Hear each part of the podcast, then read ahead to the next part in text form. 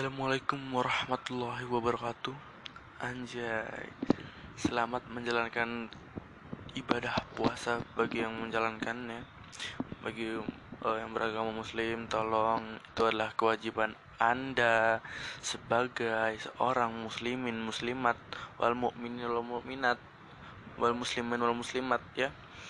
Itu adalah suatu kewajiban. Jadi mohon untuk tidak buka diam-diam di warteg ataupun uh, yang ber berbuat hal-hal yang makruh. Entah itu uh, coli. Ya itu bisa membatalkan puasa. Jadi untuk dimohon untuk uh, kalian semua yang masih gitu masih uh, membawa keburukan untuk uh, sebelum Ramadan ini tinggalkanlah di Ramadan ini buatlah hal yang bermanfaat. Misalkan kalian bisa buat uh, podcast yang bermanfaat ya dengan tidak kata-kata kasar. Iya bagus. Terus juga kalian bisa buat apa pun yang bermanfaat buat YouTube buat ya yang sesuka hati kalian lah. Misalnya kalian bisa buat mungkin kalian bisa nyari duit dengan uh, bisnis online gitu ya kan? Ya pokoknya banyak lah cara-caranya. Nah uh, ini adalah bulan suci Ramadan. Ya jadinya gue minta maaf jika gue ada kesalahan-kesalahan kata. Jika selama ini saya membuat uh, podcast gabut ini ya banyak hal-hal yang bikin tersinggung atau gimana dan ambil ya percayalah ambillah sisi positifnya dan tinggalkan sisi negatifnya. Itu adalah salah satu uh, cara agar kamu bisa menjadi orang sukses. Anjay. Bisa memilah gitu mana yang baik mana yang buruk. Tolong itu itu wajib. Dan jangan uh, apa ya kalian tuh kalau bisa uh, apa ya kayak jangan belajar kayak disuapin. Kayak apa apa tuh harus dijelasin dulu harus kayak gini harus kayak gini, kayak gini. Enggak kalian tuh bisa bisa ambil mentahnya contoh kayak misalnya gue cerita tentang pengalaman ya lu bisa olah sendiri oh dari pengalaman itu gue bisa belajar dari ini ini ini ini ini ini ini, ini. kayak ya kalian terus mandiri gitu nyari ilmu. Nggak perlu kalian harus dijabarin dulu gitu baru nerima ilmunya. Kayak masih disuapin kayak masih bocah bocah SD bocah TK gitu loh. Makanya kalian tuh jangan gitu lah kan. Itu kan gue sampai jam sampai menit segini ceramah tuh. Oke. okay uh, jadi untuk kemarin kan gue juga bahas uh, tumbal ya kan? Nah ngomong-ngomong tentang tumbal itu kan uh, itu tuh kayak pasti semacam ritual kan? Nah uh, jadi untuk sekarang ini gue akan membahas tentang ritual yang ada di Indonesia yang cukup menyeramkan katanya. Nggak tahu juga menyeramkan apa enggak. Jadi gue baca dari uh, tektentik com. Jadi 10 ritual menyeramkan yang pernah dipraktekkan di Indonesia. Kita langsung aja masuk oh, ini ada 10 gitu kan. Jadi untuk yang pertama itu dari 10 satu sampai satu eh, dari 1 sampai 10 aja. Yang pertama itu mak nene dari Sulawesi. Percaya atau tidak ini adalah tradisi atau ritual mayat berjalan di Tanah Toraja, Sulawesi yang dilakukan setiap tiga tahun sekali. Masyarakat di sana percaya bahwa leluhur mereka yang telah meninggal sekalipun harus tetap dirawat. Mayat akan digali dan diangkat dari kuburnya, lalu didoakan, dibersihkan, dipakaikan baju, diarak keliling kampung, dan kemudian dikembalikan lagi ke dalam peti. Kabarnya, mayat dapat berdiri tegak dan berjalan sendiri. Oh, gila sih. Aduh, gua nggak bisa percaya gitu, ya kan? Ya, ya Allah gitu. Jadi kalau saya disangkut pautin dengan agama oh ini sangatlah musik. Jadi kita ngebahas uh, tentang ya dari sisi, sisi manusianya sih. Ya sisi dari sisi manusia juga ya impossible lah. Masa lu sekarang kalau mati kan kalau mati itu kan otomatis uh, sel atau kerja syaraf dari otak lu itu kan nggak berfungsi. Nah terus kalau misalnya kayak gitu kenapa bisa berdiri tegak dan jalan sendiri? Sedangkan lu berjalan saja anjay berjalan aja lu dikendalikan oleh saraf-saraf di otak terus dialirkan ke uh, saraf lainnya terus akhirnya membuat suatu gerakan. Tapi tapi tapi tapi, tapi kenapa kenapa kenapa kenapa bisa ini? Mungkin percaya kepercayaan orang sana gitu. Ya kita nggak bisa nggak bisa menyalahkan. Karena emang itu dari leluhur leluhur kan udah lama juga dari nenek moyang lagi juga kalau misalnya lu lu misalnya uh, tinggal di di sana juga nggak mungkin lu langsung ah musik musik. Enggak karena lu nggak punya referensi uh, yang luas untuk uh, masalah-masalah kayak gini. Dan lu juga percaya uh, banget pasti sama orang tua lu sama yang lainnya gitu. Oke lanjut. Yang kedua perang pandan. Dari Bali ini seperti namanya, perang pandan adalah perang menggunakan seikat daun pandan dan sekarang telah menjadi objek wisata populer di Bali. Mungkin perang dengan daun pandan tidak terdengar mengerikan, namun bagaimana jika daun tersebut berduri? Wow. Masing-masing peserta saling menyerang dan memukul punggung lawan dengan daun pandan yang berduri. Ini adalah salah satu bentuk penghormatan terhadap Dewa Indra atau dikenal sebagai Dewa Perang. Wow. Cukup gabut tradisinya ya.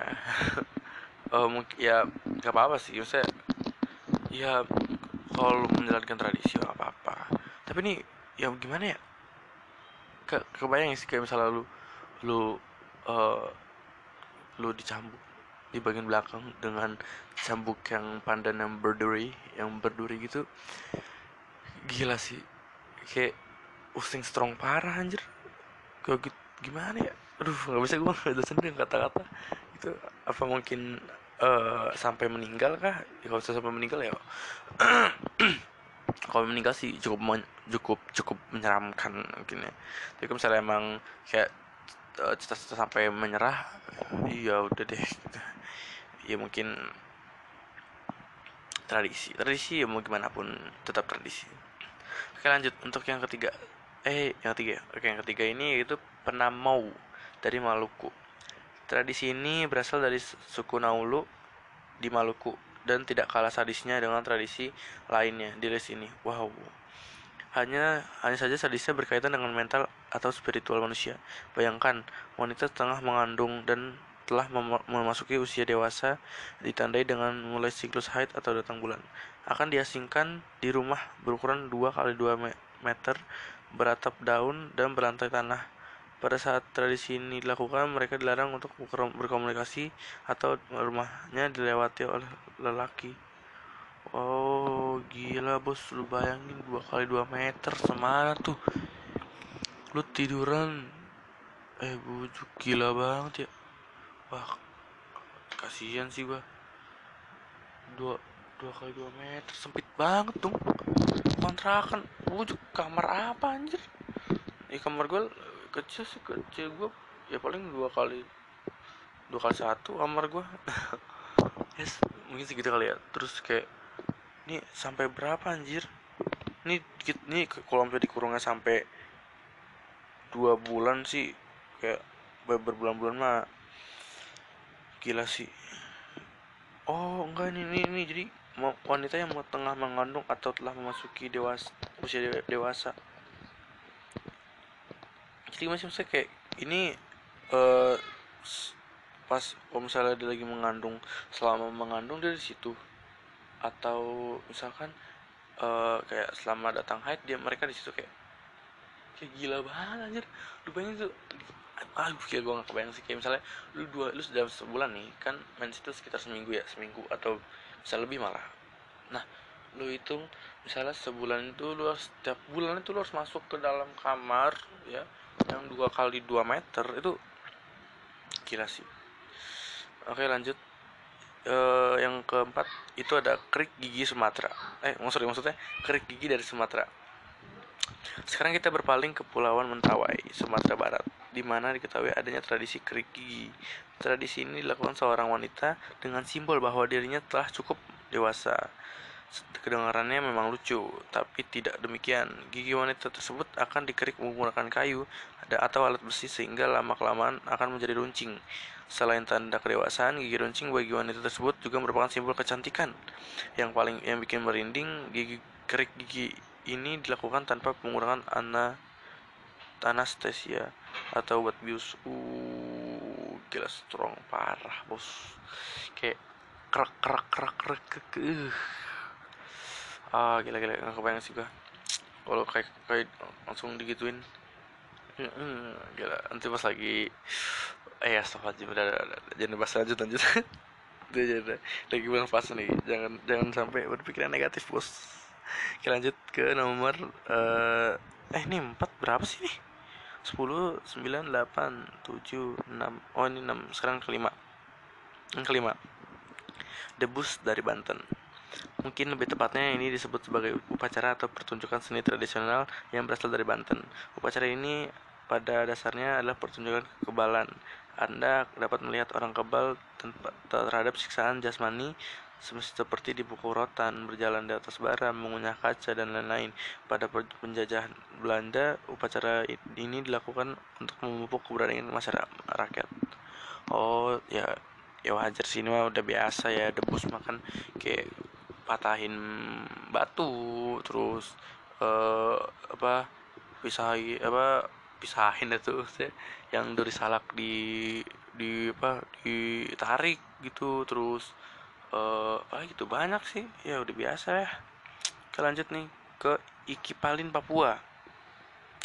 Ikipalin adalah suatu ritual memotong jari wow yang lumrah dilakukan oleh suku dan di Papua.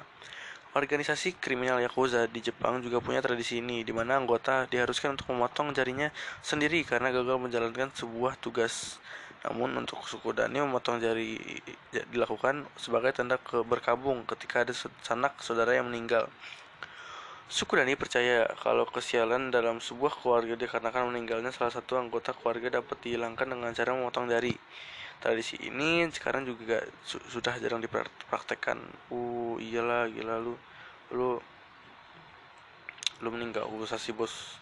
Kayak kayak uh, kayak hidup lu nggak ya maksudnya lu boleh sedih lu lu boleh buat berduka cita ya tapi ini gue juga nggak bisa sih nggak bisa nggak bisa ngebela gitu ya. Ini kan tradisi. Terus juga ini cukup serem juga sih menurut gue kayak nggak kebayang gitu. Lu jari lu misalnya keluarga lu ada 10 dan tiba-tiba sepuluh sepuluh meninggal gak ada gue jari anjir lu minum gimana? Susah dong. Ah gila sih. Makanya lu kalau misalnya tinggal di sana buat anak aja banyak banyak lanjut Nomor 7 Nasu Palek dari Papua. Sama dengan ikipilan Tradisi nasu palek Atau pemotongan daun telinga. Uh Aw, aw, gue jadi ngilu. Juga lumrah dilakukan sebagai tanda bela sungkawa oleh suku Dani di Papua. Hanya saja tidak semua anggota suku Dani melakukan tradisi ini, namun hanya beberapa orang saja.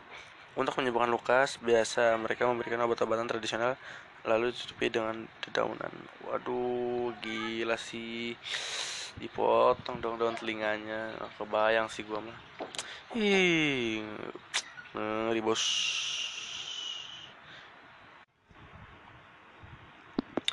Oke kita lanjut ke tiga empat lima. Berapa sih? Gue lupa deh. Ke delapan ke delapan kayaknya.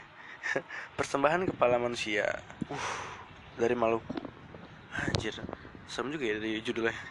Lanjut, tradisi lain dari suku Naulu di Maluku yaitu persembahan kepala manusia karena dipercaya dapat menjaga rumah adat milik mereka. Lebih sadis lagi, tahap tradisi awal ini bertujuan mempersembahkan kepala manusia sebagai mas kawin. Wow, ketika sang pria ingin meminang seorang istri. Tradisi ini terakhir dilakukan pada seorang eh, pada tahun 2005 setelah penemuan dua sosok mayat manusia dalam keadaan mutilasi. Aw aw aw aw aw gila gila gila. Gua nggak nggak kebayang sih kalau misalnya gue tinggal di sana kan terus gue mau nikah. Aduh, pala siapa ya? Pala mantan kali enak. Dibuntungin ambil lah pala mantan ceret nanti. Nih, gitu. Is gila. Boleh boleh boleh boleh. nggak kebayang sih kalau tapi kan ya kalau man ya terus kalau mantan gue nikah ya masa gue yang kena ya jangan deh pokoknya deh jangan pokoknya jangan jangan sampai oke kita lanjut ke ngayau dari Kalimantan ngayau atau kayau adalah tradisi mengerikan yang berasal dari suku Dayak di Kalimantan. Di bahasa Dayak tersendiri, kayo artinya musuh dan ngayo berarti memburu kepala manusia, kepala musuh. Wuh. Namun tidak berarti ini dilakukan secara sembarangan. Biasanya mengayau dilakukan ketika suku Dayak mempertahankan wilayah dari serangan musuh dan hanya beberapa orang yang dapat melakukan kayau. Mereka percaya kalau kepala musuh dipenggal, mereka akan terhindar dari gangguan roh gentayangan musuh mereka. Gila sih bos. Tuh nanti kepala diapain ya? Anjir, anjir. Nggak nggak kayak kayak lu lu lu tiba-tiba nggak sengaja datang ke suku sana kan? Dengan lu kayak eh, nggak uh, sengaja lu menembak salah satu uh, orang anggota suku Dayak misalkan. Kayak wah gila sih. Lu diincer kepala lu anjir di di di apa di ngayau uh, Oke lanjut kanibalisme suku Papua dari Papua uh gila lu Pernah ada laporan dari dua anak laki-laki yang menyaksikan seorang ayah memakan putrinya sendiri yang berusia tiga tahun di Papua. Tidak dimasak, namun langsung dimakan dengan cara menggigit lehernya. Aduh, menikmati dagingnya dan meminum darah putri tersebut. Ini adalah ritual tradisional masyarakat di sana. Meski sebenarnya praktek kanibalisme hanya dilakukan oleh terhadap orang-orang kerap melakukan pelanggaran adat dalam suku Korowai. Aduh, gila gila gila gila. Gue gue gak kebayang sih jadi anaknya. Lu kayak kayak nggak punya dosa gitu. Terus tiba-tiba uh, sama bapak lu. Ya allah kayak aduh nggak nggak ini banget ya nggak.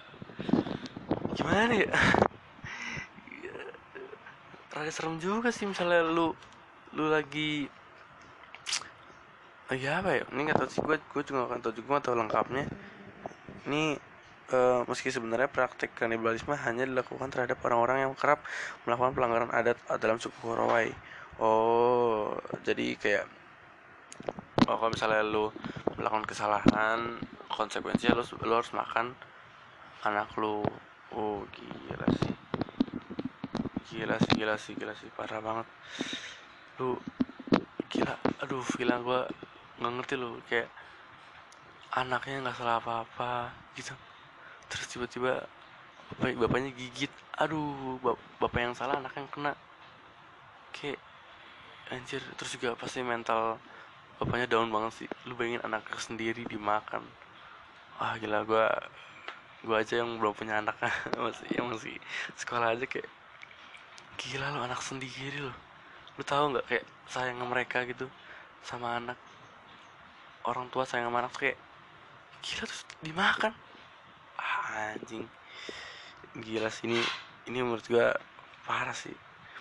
Dari 10 ritual ini kanibal sih karena yang biasa aja menurut gue yang lain nggak cukup nggak cukup menyeramkan. Gue juga cuma baru baca gitu doang. Iya sih iya gue kaget banget. Nah pas yang terakhir ini kanibalisme. Gue kira udah nggak ada tapi gue nggak tahu juga ya. Maksudnya untuk sekarang tuh masih ada apa enggak e, katanya sih udah nggak ada untuk di daerah Papua gitu. Udah ada ada penanganannya gue lupa gue nggak tahu juga sih mereka sih yang itu ya. Ya udahlah e, mungkin segini aja pembahasan tentang tradisi menyeramkan meskipun nggak menyeramkan banget biasa aja menurut gue e, dan kalian harus bisa bertahan hidup dari puasa ini ya. Jangan berbuat negatif jangan ikut-ikutan tradisi kayak gitu tanpa adanya uh, hal yang pasti atau yang jelas. Ya karena misalnya kalian ya memang kalau misalnya emang itu tradisi di di daerah kalian ya udah mau gimana lagi? Ya ikutin deh gitu. Ya udah mungkin uh, segini aja dan kalau misalnya kalian ada saran untuk membahas apa lagi nanti gue akan bahas lagi di podcast selanjutnya. Dan juga kalian kalau misalnya mau ikut buat podcast bersamaku ya silahkan gabung aja langsung aja langsung aja kita langsung buat hayu meluncur Oke, okay. uh, cukup sekian dari gua Muhammad Irsa Saputra, orang terkaya atau seputar kantor history Anjay, enggak enggak bong bong. Uh, ya udah gitu aja. Goodbye, dadah.